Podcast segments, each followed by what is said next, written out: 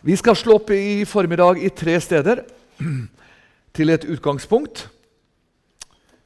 Dere vet når dere har meg på besøk, og jeg skal få lov å ved Guds nåde være hos dere en tid framover, så vet dere at dere får ikke noe teologisk utleggelse og ikke noen fine prekener, men Guds ord, det har vi. Og det har Han kalt oss til å forkynne. Halleluja. Første Samuels bok skal vi slå opp i først. Det er, eh, jeg skal lese to vers i kapittel fire. Og så skal jeg lese ett vers i kapittel syv. Første Samuels bok, kapittel fire, og vers 21 og 22. Og så leser jeg i kapittel syv, og der leser jeg i vers 1. Etterpå skal vi lese i Johannes evangelium 12, og så skal vi også lese i det siste kapittelet i åpenbaringsboken. Første Samuels bok, kapittel 4, vers 21 og 22. Hun kalte gutten Ikabod og sa, 'Bortveket er herligheten fra Israel', fordi Guds ark var tatt.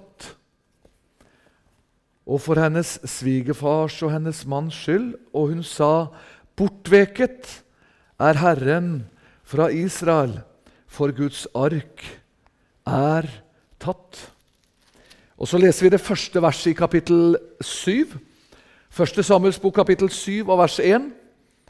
Da kom Kiryat Jeraims menn og hentet Herrens ark opp og bar den inn i Abinadabs hus på haugen, og hans sønn Eliasar vidde de til å ta vare på Herrens ark. Og Så slår vi opp i Johannes evangelium, kapittel 12. Det er et veldig kjent vers. Johannes evangelium, kapittel 12. Der leser jeg vers 21 for du som har med Bibelen med deg. Johannes evangelium, kapittel 12. Og så leser jeg vers 21. Vi kan ta med vers 20 også. Men det var noen grekere Johannes 12, 20. Der var noen grekere blant dem som pleide å dra opp for å tilbe på høytiden. Disse gikk da til Philip, som var fra Betsaida i Galilea. De ba ham og sa, 'Herre, vi vil gjerne se Jesus.' Og Så leser vi siste kapittel i åpenbaringsboken, kapittel 21. Og da henter jeg, Vi skal komme tilbake til åpenbaringsboken også i min undervisning i formiddag. Sammen med en del andre ting. Johannes' åpenbaring 21, og der leser vi vers 23 i Jesu navn. Åpenbaringen 21-23. Og staden trenger ikke solen eller månen til å lyse for seg, for Guds herlighet opplyser den, og lammet er dens lys. Amen. Eh, til i formiddag så har det for en tid tilbake stanset en setning som en overskrift på det Jesus har lagt på mitt hjerte i formiddag. Og det er denne setningen 'Når Herrens herlighet fyller huset'. Halleluja. Det er vidunderlig. Og Herrens herlighet, Guds herlighet gjennom Jesus, får lov å fylle huset. Både vårt eget hus og fylle menigheten. Halleluja. Det er et herlig budskap. Gjennom hele Guds ord så ser vi hvor viktig det er at Jesus og himmelens herlighet får fylle huset vårt. Halleluja. Eh, la meg få lov å ta med et eh, sitat. Eh, dere vet at en av mine favoritter som veiledere det er David Wilkerson. Eh, og jeg siterer han litt her i begynnelsen om dette med å oppleve Herrens herlighet og oppleve Jesus. Det ser ut til å være en stor fare for å miste av syne det faktum at Jesus var alt i alle. Golgata-verket, forsoningen, må være sentrert for vår oppmerksomhet. Den hellige ånd vil aldri trekke vår oppmerksomhet bort fra Jesus og mot seg selv, men tvert om åpenbare Kristus i en større fylde. Vi står i fare for å krenke Jesus, miste ham midt i tempelet, gjennom opphøyelse av Den hellige ånd og åndens gaver. Men Jesus må være i sentrum av alt. Og hør ikke engang Den hellige ånd må bli opphøyet over dette navn. Øvresalen må aldri overskygge korset. Venner, dette er et av hovedgrunnlagene til at Herrens herlighet kan komme inn i vårt liv. Eh, vi opplever Guds herlighet, vi opplever Jesus ved at han kommer øyeblikkelig. Han kommer plutselig til oss og rører ved oss. Men ofte så kommer Jesus sånn i doser til oss. Men da må vi vandre tett ved Jesus.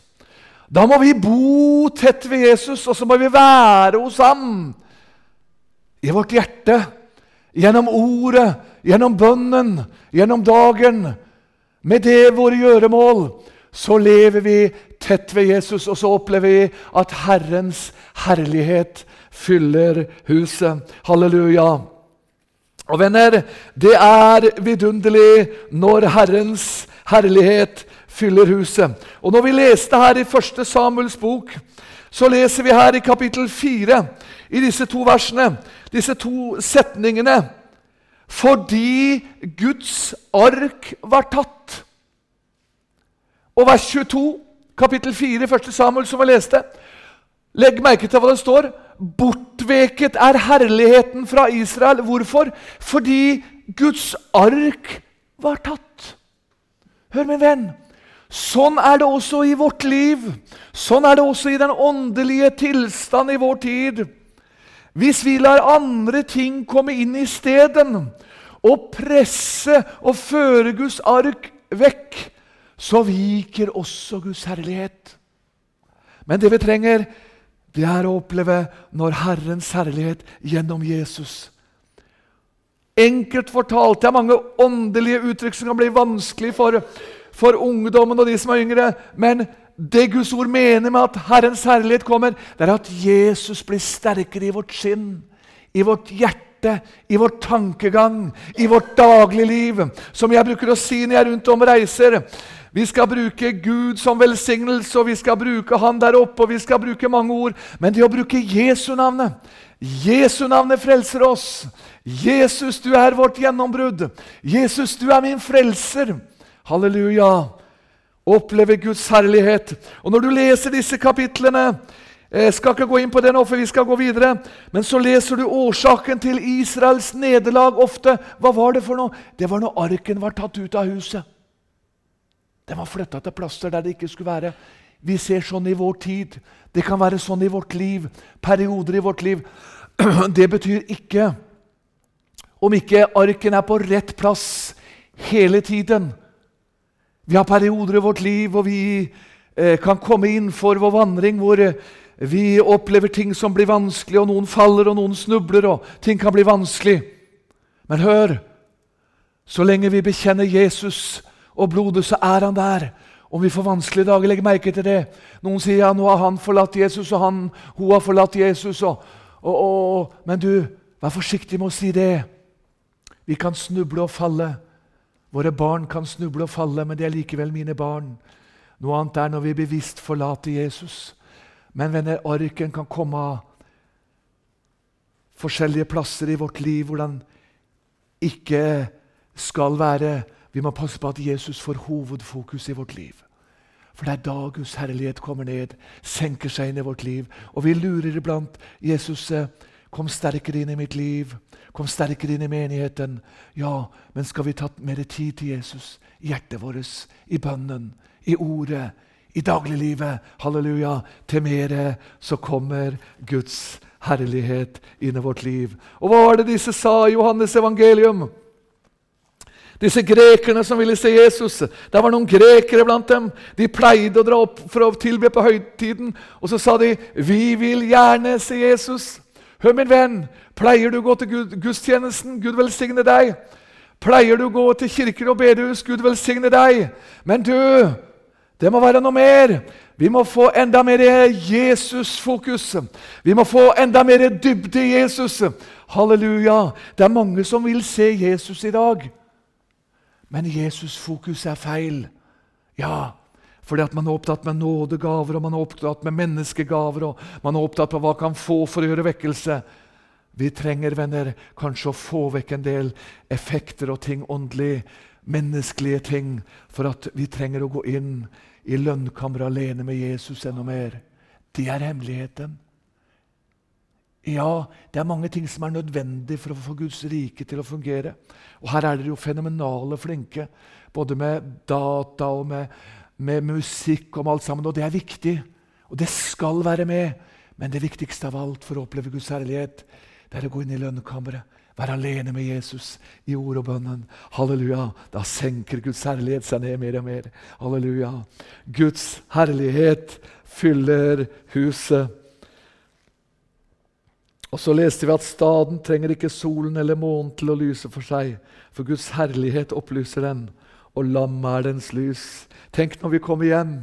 Halleluja. Det er nemlig sånn når du studerer åpenbaringsboken. Da er det ingen lyskaster, og da er det ikke noe vatt eller noen ting som trenger å lyse opp. For det er bare én som lyser alt sammen. Det er Jesus. Halleluja. Ja, men Det lyset ble veldig sterkt, så da smelter jeg jo ned. For det lyset klarer jeg ikke å se. Jo, da er vi alle lik Jesus, og vi klarer det. Halleluja. Tenk hvilken herlighet. Nå Guds herlighet. Er du på vei hjem? Er du frelst i formiddag? Jeg spør ikke om du går i arken, eller du som lytter eh, er inne på et møte, og du er religiøs, og du ber din bønn. Det er godt og velsignet, alt det der. Men er du født på ny? Er du frelst? Har du blod over ditt liv? Lever du et levende frelsesliv? Det er det som er nøkkelen, venner. Ja, Det betyr ikke at eh, som noen tror at eh, ja, vi må skrike høyt hele tida, vi må rope høyt hele tida, og vi må gjøre sånn og sånn. Altså Det å være frelst er en spesielt mal vi må gjøre for å være frelst. Nei da! Det er mye kjøttklumper som trenger å holde munn holdt jeg på å si, som ikke er Guds ånd i. Og noen er stille, noen er høylytte, Det er ikke det. Men at Jesus bor i ditt hjerte. At blod er over ditt liv, og du har Jesusbekjennelsen. Halleluja! Da vil Guds herlighet enda mer få plass hos deg. Når Kristus får lov å slippe til. Halleluja. At vi åpner kranene selv. Jesus åpner ikke for oss, men vi må åpne for ham. For at hans herlighet skal komme inn. Og venner, Det kom en del beretninger og skriftsteder som åndelige bilder på det her, som jeg har lyst til å ta med i formiddag. Vi slår først opp i første kongebok 8.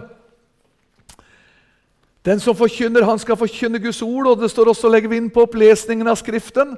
Så da gjør jeg det. Og syns du noen gang før og e- eventuelt etter i formiddag at han John Willy han forkynner altfor mye Guds ord, så får du ikke skylde på meg. Men da får du skylde på Jesus og Guds ord, for han sier, Skriften sier det. Legg vind på opplesningen av Skriften. Første kongebok åtte.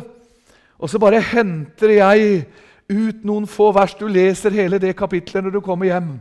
Men her står det om Herrens herlighet, hvordan Herrens herlighet skal komme inn.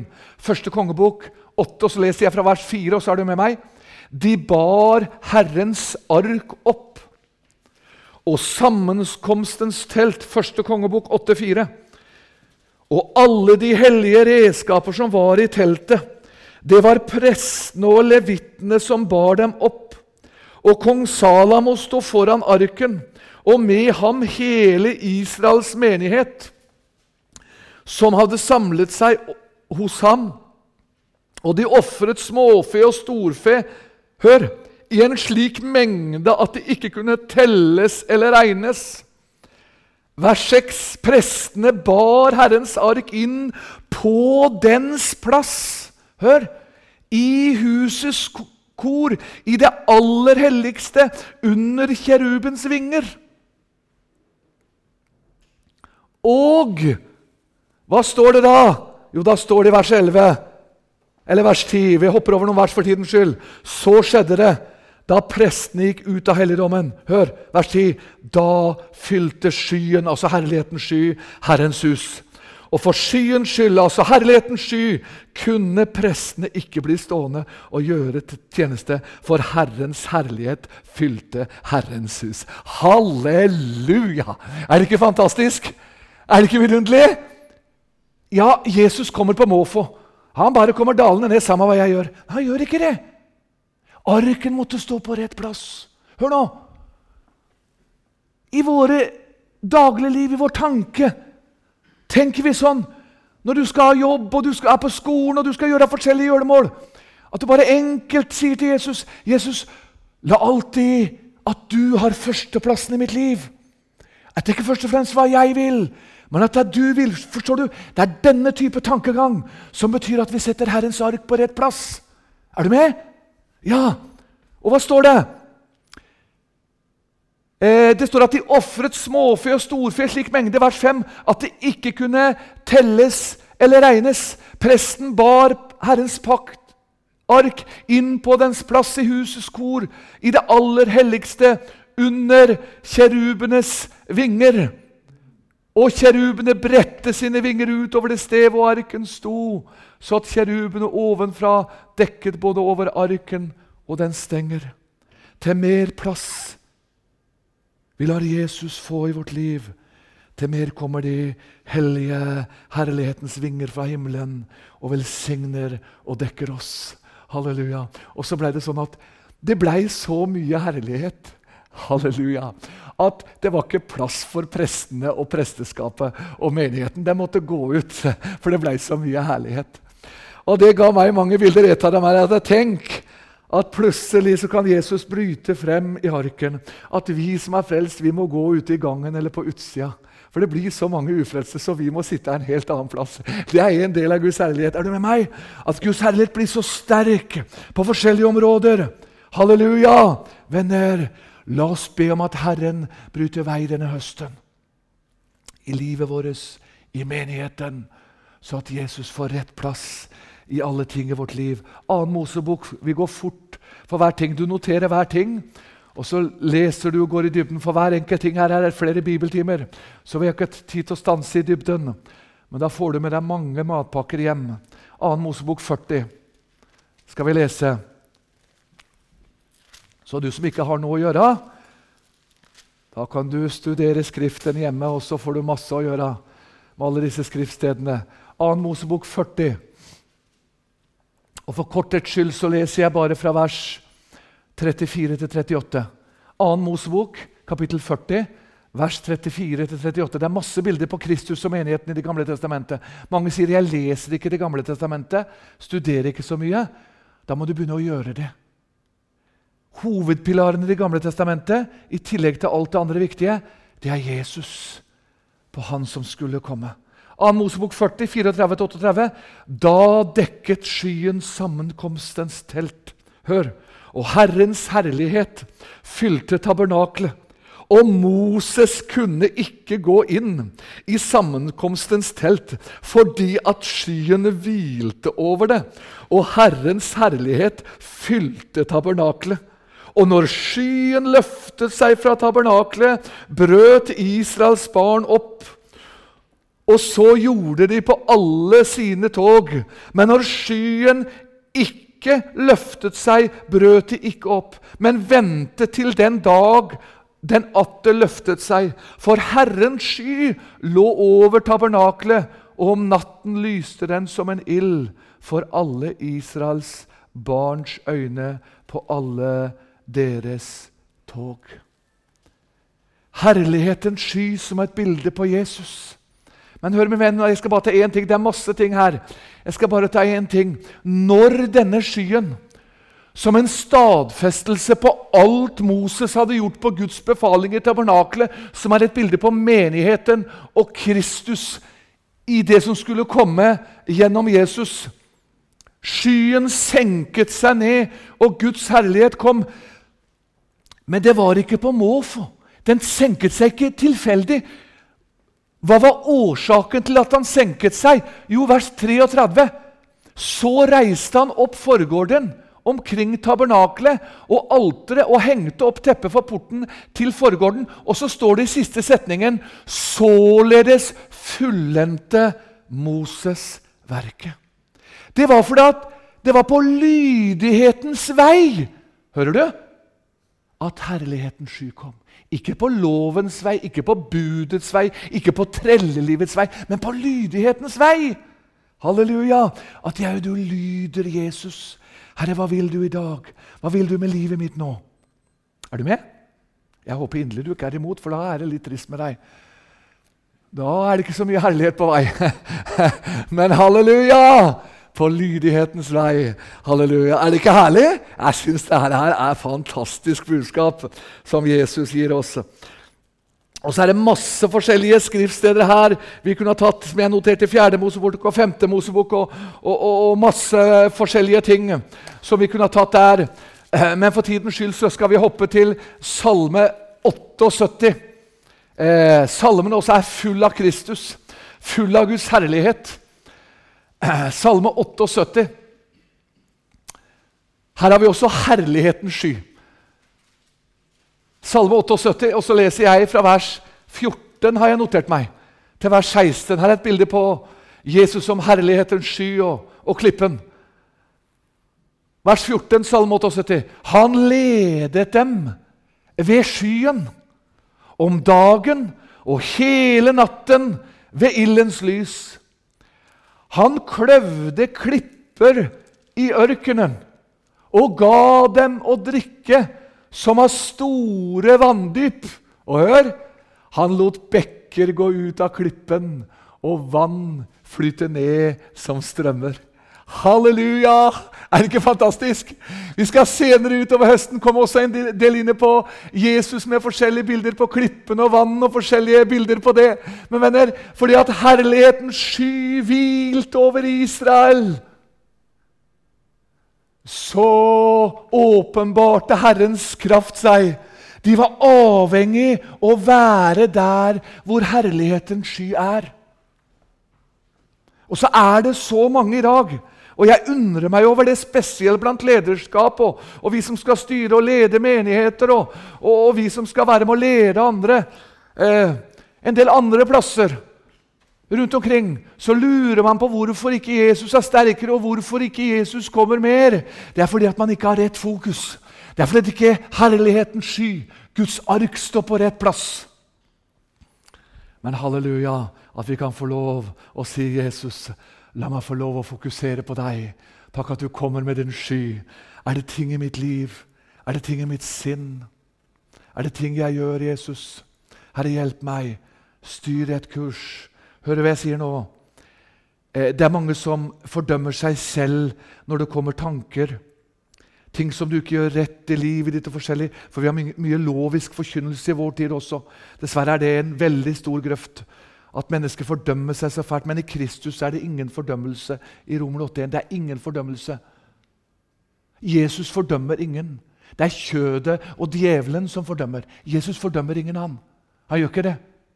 Men når vi får tanker om at ting ikke er riktig, og vi kjenner at dette er Jesus og herlighetens sky, så er det for at han vil dirigere kursen vår inn på rett plass. Og hvis det skulle være ting i ditt og mitt liv i formiddag som ikke er som det skal være, så sier du, Jesus, om det er bevisst eller ubevisst, hjelp meg at alle ting er på rett plass. At jeg får lov å være under herlighetens sky. Halleluja. Så at regnet kan komme, og at vannet veller frem i mitt liv. Halleluja. Er det ikke fantastisk? Halleluja! Vidunderlig med Jesus. Så skal vi også gå inn i en del bilder i Det nye testamentet på det her. Matteus evangelium kapittel 17. Det er masse skriftsteder. Skulle jeg tatt alle skriftstedene her, så har vi brukt både én og to dager. Så vi kan ikke det, men Matteus 17. Her er også herlighetens sky som åpenbarer seg når Jesus tar med seg sine nærmeste oppe på Forklarelsesberg. Du kjenner beretningen. Men her er også masse forskjellige dype ting. Jeg skal bare ta fram en ting eller to. Matteus 17. Og hør Fra vers 1 til 8 vi leser det. 17, 1-8. Seks dager deretter tok Jesus med seg Peter, Jakob og hans bror Johannes, førte dem avsides på et høyt fjell. Og hør nå! Han ble forklaret for deres øyne. Hans åsyn skinte som solen. Hans klær ble hvite som lyset. Og se, Moses og Elias viste seg for dem og talte med ham. Da tok Peter til orde og sa til Jesus.: Herre, det er godt at vi er her. Vil du, så skal jeg gjøre tre boliger her. En til deg, en til Moses, en til Elias. Mens han ennå talte, se, da kom en lysende sky og overskygget dem. Og se, det kom en røst ut av skyen som sa, Dette er min sønn, den elskede, i hvem jeg har velbehag. Hør ham. Da disiplene hørte det, falt de ned på sitt ansikt, ble meget forferdet. Og Jesus gikk bort og rørte ved dem og sa, 'Stå opp og frykt ikke.' Og så kommer det en livsviktig setning. Men da de så opp, så de ingen uten Jesus alene. Halleluja! Og det er så nydelig. Da de så opp, så de ingen uten Jesus alene. Vi har liksom to hovedretninger i dag. Eh, tenker jeg Når jeg skal forklare litt av det som ligger på mitt hjerte ved denne her eh, beretningen. Vi har liksom én hovedretning, vi har forskjellige mange andre retninger også. Men når det gjelder dette her med å søke Jesus og det åndelige terrenget, så har vi en retning som er som denne mannen som Jesus rørte ved to ganger. Men første gangen han rørte ved ham, så sier han, 'Jeg ser mennesker gå omkring som trær'. Vi har sånne mennesker, og sånn kan du også jeg være iblant. At vi blir så stressa iblant, og vi er opptatt med våre ting iblant. Så vi liksom vi ser bare dem som går omkring oss som trær. Men så fikk han en ny berøring av Jesus, og så så han klart og tydelig. Er du med? Ser du mennesker som trær, eller ser du mennesker som evige vandrere? Enten på vei til et evig helvete eller en evig himmel. Hva gjør vi med det? Hvis du ikke ser dette klart, så be om at du får se Jesus klart med en ny berøring. Halleluja. Og Den andre hovedretningen som ble så levende for meg akkurat nå, når jeg tenker på den beretningen, det er dette menneskelige fokuset vi har. Har du lagt merke til det? Hvis du ikke har lagt merke til det, så må du våkne nå. Har du lagt merke til denne nådegavefokus og personfokus i vår tid? Ja, kommer den og den og, og sånn og sånn, og, og, så blir man mer opptatt av nådegaver og personer enn Jesus. Og det har også med herlighetens sky å gjøre. Da viker den mere. Men hva var det? Hva står det? Da de så opp, så de ingen. Halleluja! Ikke halleluja med en L, men halleluja! De så Jesus alene. Venner, la oss be Jesus denne høsten. Jesus, gjør noe nytt for meg denne høsten. Herre, du ser mitt liv. Jesus, jeg har vært frelst, og jeg tilhører deg, og jeg ønsker å tjene deg. Men skal vår bønn bli, Jesus, la herligheten sky.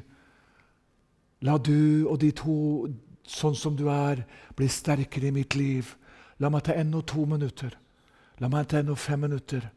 La meg ta ennå ti minutter. Et kvarter i løpet av døgnets time. Enda mer. Du skal, du skal ikke tenke sånn at du skal og du må.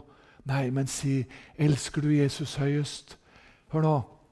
Når du elsker din kjære, ikke sant, så vil du tilbringe mest tid sammen med den. Skal ikke utdype det, men det, det vet du jo.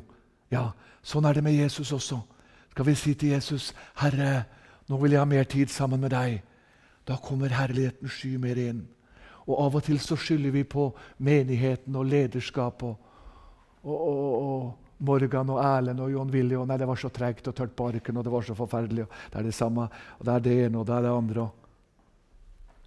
Du, kanskje det er du som må be om at Jesus kommer inn i rett fokus i ditt liv, i mitt liv. Vi skal ransake oss selv. De så Jesus alene. Herlighetens sky. De så Jesus alene. Halleluja! Og de fikk lov å oppleve Han. Halleluja! Eh, Johannes evangelium kapittel 17. Jeg hopper videre her til noen skriftsteder. Jeg skal gå inn i, i avslutningen her, men vi må ta med oss noe til. Eh, Johannes evangelium 17 blant annet, har jeg notert meg. Og skal du se hva vi har i Kristus. Altså, Vi har herligheten i oss. Og Hør nå. Ja, eh, Kommer du med herlighetsteologi til oss nå? altså, Vi har liksom en sånn gal herlighetsteologi blant oss. Men det er en herlig, bibelsk herlighet. Den har vi i Jesus. Den har vi i Guds ord. Hør nå. Johannes 17. Vær med meg nå, du som føler deg elendig og svak, og du strekker ikke til. Og, hør nå. Johannes 17, 14. Fader, jeg vil at hvor jeg er, der skal også de som du har gitt meg, være hos meg, for at de skal se min herlighet, som du har gitt meg, fordi du har elsket meg før verdens grunnvoll ble lagt. Eh, og så leser vi også vers 22. Og den herlighet Hør nå! Som du har gitt meg Legg merke til hva det står. Den har jeg gitt dem. Det er deg, det. Det er meg, det. Ja, men jeg er ikke noe herlig for at jeg er så elendig og svak. Og... Ja, men du har Guds herlighet i deg gjennom Jesus. Han er din styrke. Han er din hjelper. Ja, men jeg føler ikke, jeg kjenner ikke. Nei, men du, begynn å søke Jesus. Les om Jesus, hva du eier og har i ham. Så får du oppleve han er din herlighet. Han er din styrke. Da vokser denne herlighetens sky. Og så får du kraft, og så får du styrke, og så får du herlighet i ditt liv enda mer. Og nå går jeg over i herlighetens sky, som skal hjelpe oss videre gjennom prøvelser, gjennom motgang. Det er Jesus. Apostlenes gjerninger, kapittel 7. Jeg går litt fort nå for tidens skyld. 8 og 2, ja. Det blir ca. en halvtime. Jeg må bare telle litt, så det ikke blir for langt her. Apostlenes gjerninger 7, 55. Vi må inn og ta med oss noe her. Du kjenner beretningen. Les når du kommer hjem. Et sterkt fokus på Jesus hadde de i apostlenes gjerninger og den første menighet. Og midt i denne prøvelsen du er i, og vi som har vært i en del sterke prøvelser, hvor vi syns at bølgene, og vi bokstavelig talt også, ønsket et sekund eller to å ikke være her for at bølgene var for sterke, så kom Jesus. Og så fikk vi se herlighetens sky. Apostelen 7,55. Hør! Han var full av Den hellige ånd. Så står det så nydelig. Han skuet ufravendt opp mot himmelen. Og hva står det? Han så Guds herlighet. Og han så Jesus stå ved Guds høyre hånd. Og han sa, vers 56, Nå ser jeg himlene åpne og menneskesønnen stå ved Guds høyre hånd. Halleluja! Gjennom motgang, gjennom prøvelser, så vi kan oppleve Jesus. Hør, min venn, utgangen, selv om vi ikke ser det med det samme, utgangen av våre prøvelser og motgang også. Jesus er med. Halleluja! Han så himmelen åpnet, og så så han Guds herlighet som kom. Halleluja! Og denne Guds herlighet den har vi i Jesus. Da går vi videre til Efeserbrevet. Fantastisk, venner, når vi også i Guds ord kan få lov å gå fra herlighet og til herlighet. Efeserbrevet er, kaller vi ofte for Kristusbrevet. Jesusbrevet, for her er det masse vidunderlige herlighet om Jesus og hva vi er i ham. Efeserne 1,12 har jeg notert. Her kommer vi tilbake igjen til at vi er Hans herlighet. For at vi skulle være Hans herlighet til pris. Vi som forut hadde håpet på Kristus. Vi har Kristi herlighet. Halleluja. Ikke i oss selv, men gjennom Golgata-forsoningen så er vi Guds herlighet her på jord. Vi er lyset, så vi skal bringe Jesus ut. Det er noen som sier at 'ja, se på Jesus'. Ja, Men de kjenner jo ikke Jesus. De skal se på oss. Og gjennom oss så skal de se Kristus og Guds herlighet. Er du med?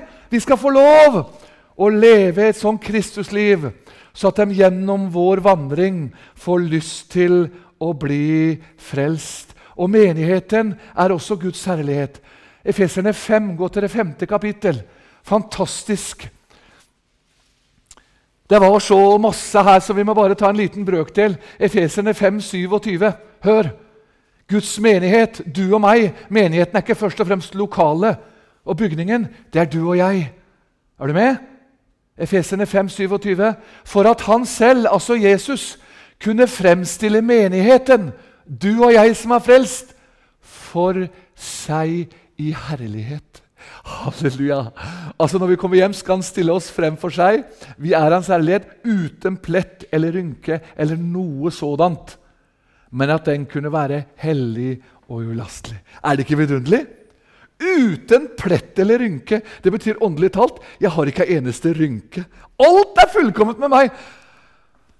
Altså, ikke i meg. Jeg sjøl føler meg elendig og svak. og, og det ene med det andre. Men i Jesus, i Guds ord, så fins det ikke en åndelig rynke på meg. Ikke en eneste skavanke. Er du med? I blodet, i Kristus. Venner, vi trenger å se mer på Jesus. Så vi får se at sannelig mitt frelsesliv det er jo et herlig liv. På tross av prøvelser og motgang. Jesus, halleluja, la herlighetens sky komme ned, så jeg enda mer får lov å oppleve din herlighet. Vi går inn i Kolossensebrevet, som eh, Erlend var innom. Her, her har vi også om herligheten. Hva vi opplever med Jesus. Kolossenserne 1 og vers 11. Hør nå. Nå snakker han om oss, vi som er frelst, vi som har tatt imot Jesus. Du skjønner, Vi skal ikke bare lese Guds ord for å lese, men du må studere Guds ord. Og så må du be Guds om åpenbaring. Kolossenserne 11. Så dere styrkes med all styrke efter Hans herlighetskraft til all tålmodighet og langmodighet. Er du med? Vi skal styrkes med all styrke etter Jesu herlighet, så vi altså tåler, og vi blir tålmodig og langmodig. Hør nå! Det er ikke du som skal bære frelsten. Det er ikke du som skal klare kristenlivet ditt. Det er Noen som sier til meg ja, ville du ha vært flink. Du har vært frelst og så lenge, og du, du, du klarer det og klarer det. Nei, jeg klarer ingenting. På visse områder så føler jeg jeg kan sitte og gråte over jeg syns jeg er så elendig på mange områder til Jesus hjemme alene. Jeg har ikke fått til noen ting, men i Jesus, i Guds ord, i blodet, under herlighetens sky Er det ikke fantastisk? Ja. Å, det danser i mitt hjerte. Jesus er min herlighet. Gud er min kraft. Gud er min seier. Halleluja. Og så skal vi hoppe til Hebrebrevet 2.10. Vi skal begynne også å lande nå. Vi går til Hebrebrevet. Det er masse ting her. Og det er masse Paulus' brever. Vi skal gå inn i Hebrevet, og så skal jeg lande i åpenbaringsboken om den evige herligheters sky til slutt. Eh, Hebrebrevet 2.10 ser jeg notert meg. Hebrebrevet 2 og vers 10. For det sømmet seg for ham, altså for Jesus for hvis skyld alle ting er til, og ved ham alle ting er til. Hør hvor vi er ført hen. Hør hvor vi er ført hen nå. Da han førte mange barn til herlighet gjennom lidelser og fullende deres frelses høvding. Ser du? Og Dette er tosidig, dette verset, og når du studerer herligheten også i dette brevet. Ja, han snakker om den evige herlighet hjemme i himmelen. Men han snakker om at vi er ført allerede. Han har ført mange barn til herlighet gjennom den lidelsen han gjorde på korset. At vi er ført inn i Guds herlighet. Så vi er i Guds herlighet gjennom frelsen. Gjennom at vi er Guds barn. Så hør, min venn, du er ikke elendig. Du er ikke svak. I deg selv er du det, men nå er du i Jesus. Du har en herlig frelse. Du har en fantastisk Jesus. Se opp på ham, og han skal velsigne deg, og han skal åpenbare seg for deg.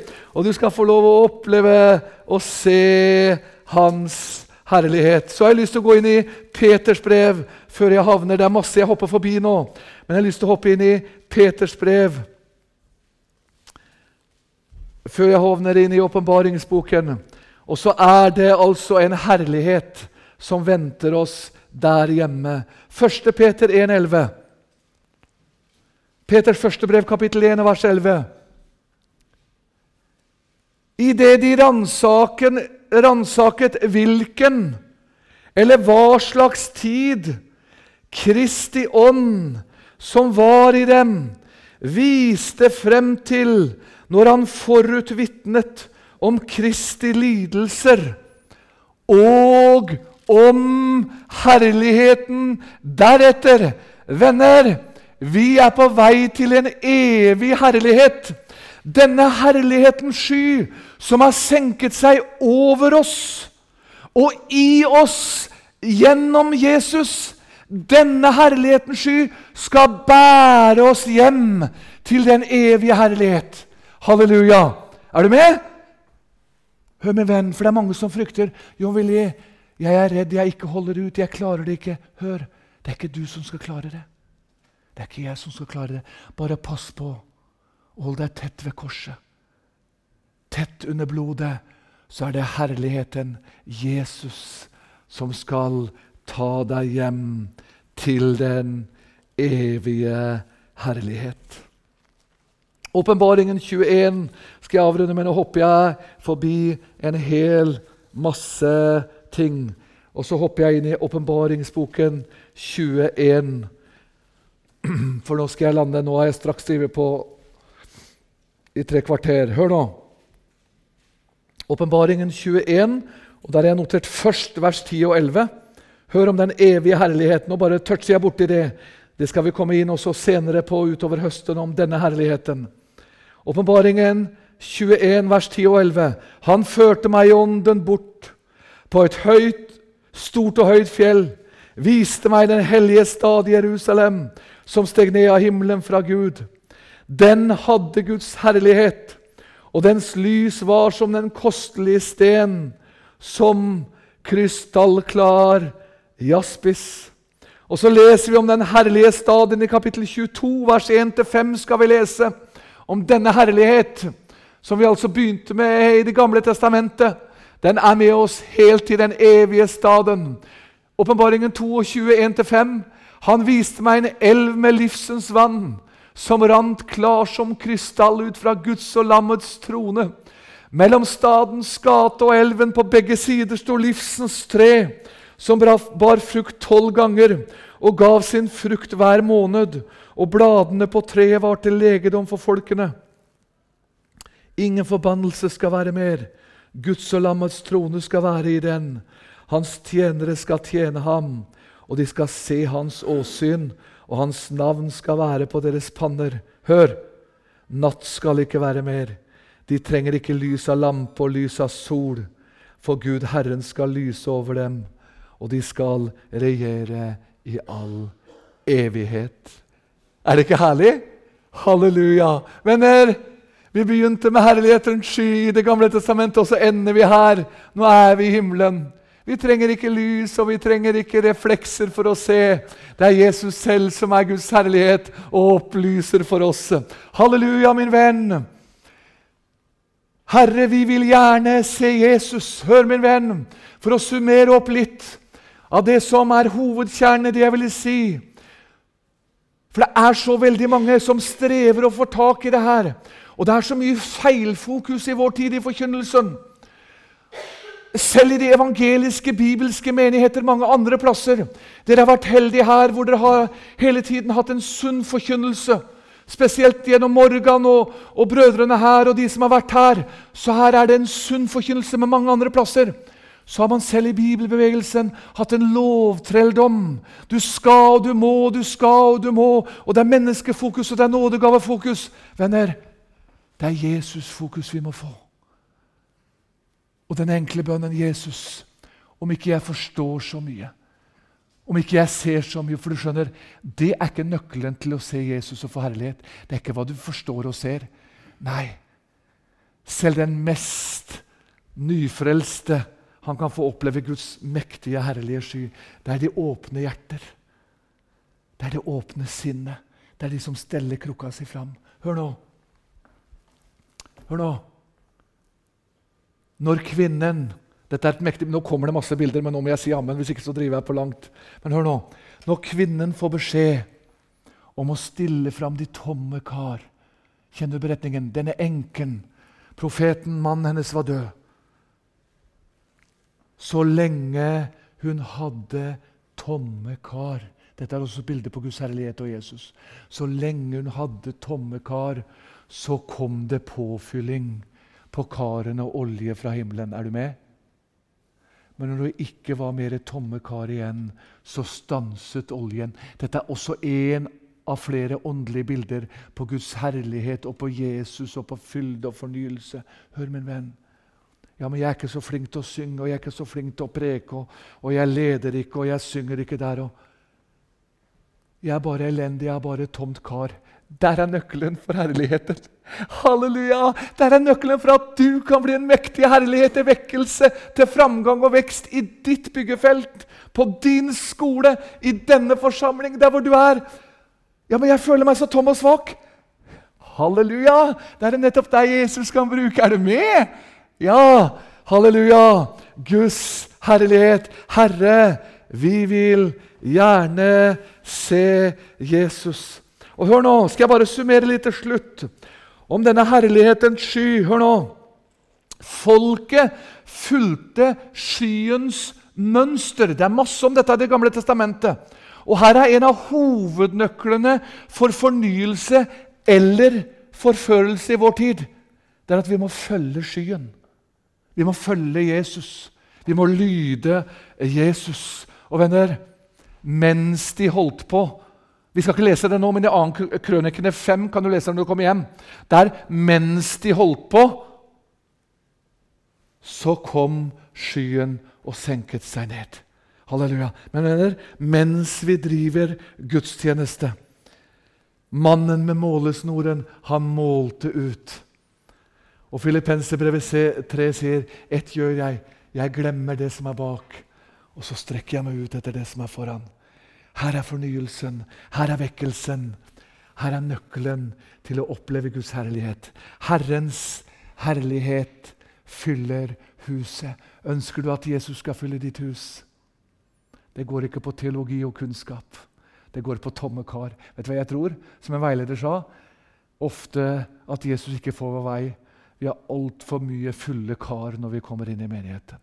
Vi har fulgt dem med alt mulig annet rart, sa Sverre Kornmo mer ditt kar, forstår du riktig, åndelig sinnet ditt er tomt, er fokus på Jesus, til mer får du fylt det av Guds herlighet. Og hva er et herlighetens møte? Jeg skal ta meg et sitat til slutt om det, også fra David Wilkerson. Jo, et herlighetens møte, hva er virkelig et Helligåndens møte? Er det hvor alle mennesker taler i tunger? Eller er det hvor mennesket blir helbredet? Eller hvor de hellige hopper av glede? Eller hvor de hellige profeterer? Nei, sier David Wilkerson, det er mye mer enn det. Hør! Det er der hvor Kristus blir opphøyet. Det er der hvor Jesu hellighet gjennomtrenger sjelen. Det er der hvor menn og kvinner faller ned for Jesu hellige trone sønderknust, ydmyket, mens de gråter til Jesus. Hellig, hellig, hellig er du. Det er når Den hellige ånd gjennom Jesus beveger mennesker, beveger dem nærmere Kristus, dypere i Kristus, med en større overgivelse til Jesus og hans vilje i mitt liv. Herrens herlighet fylte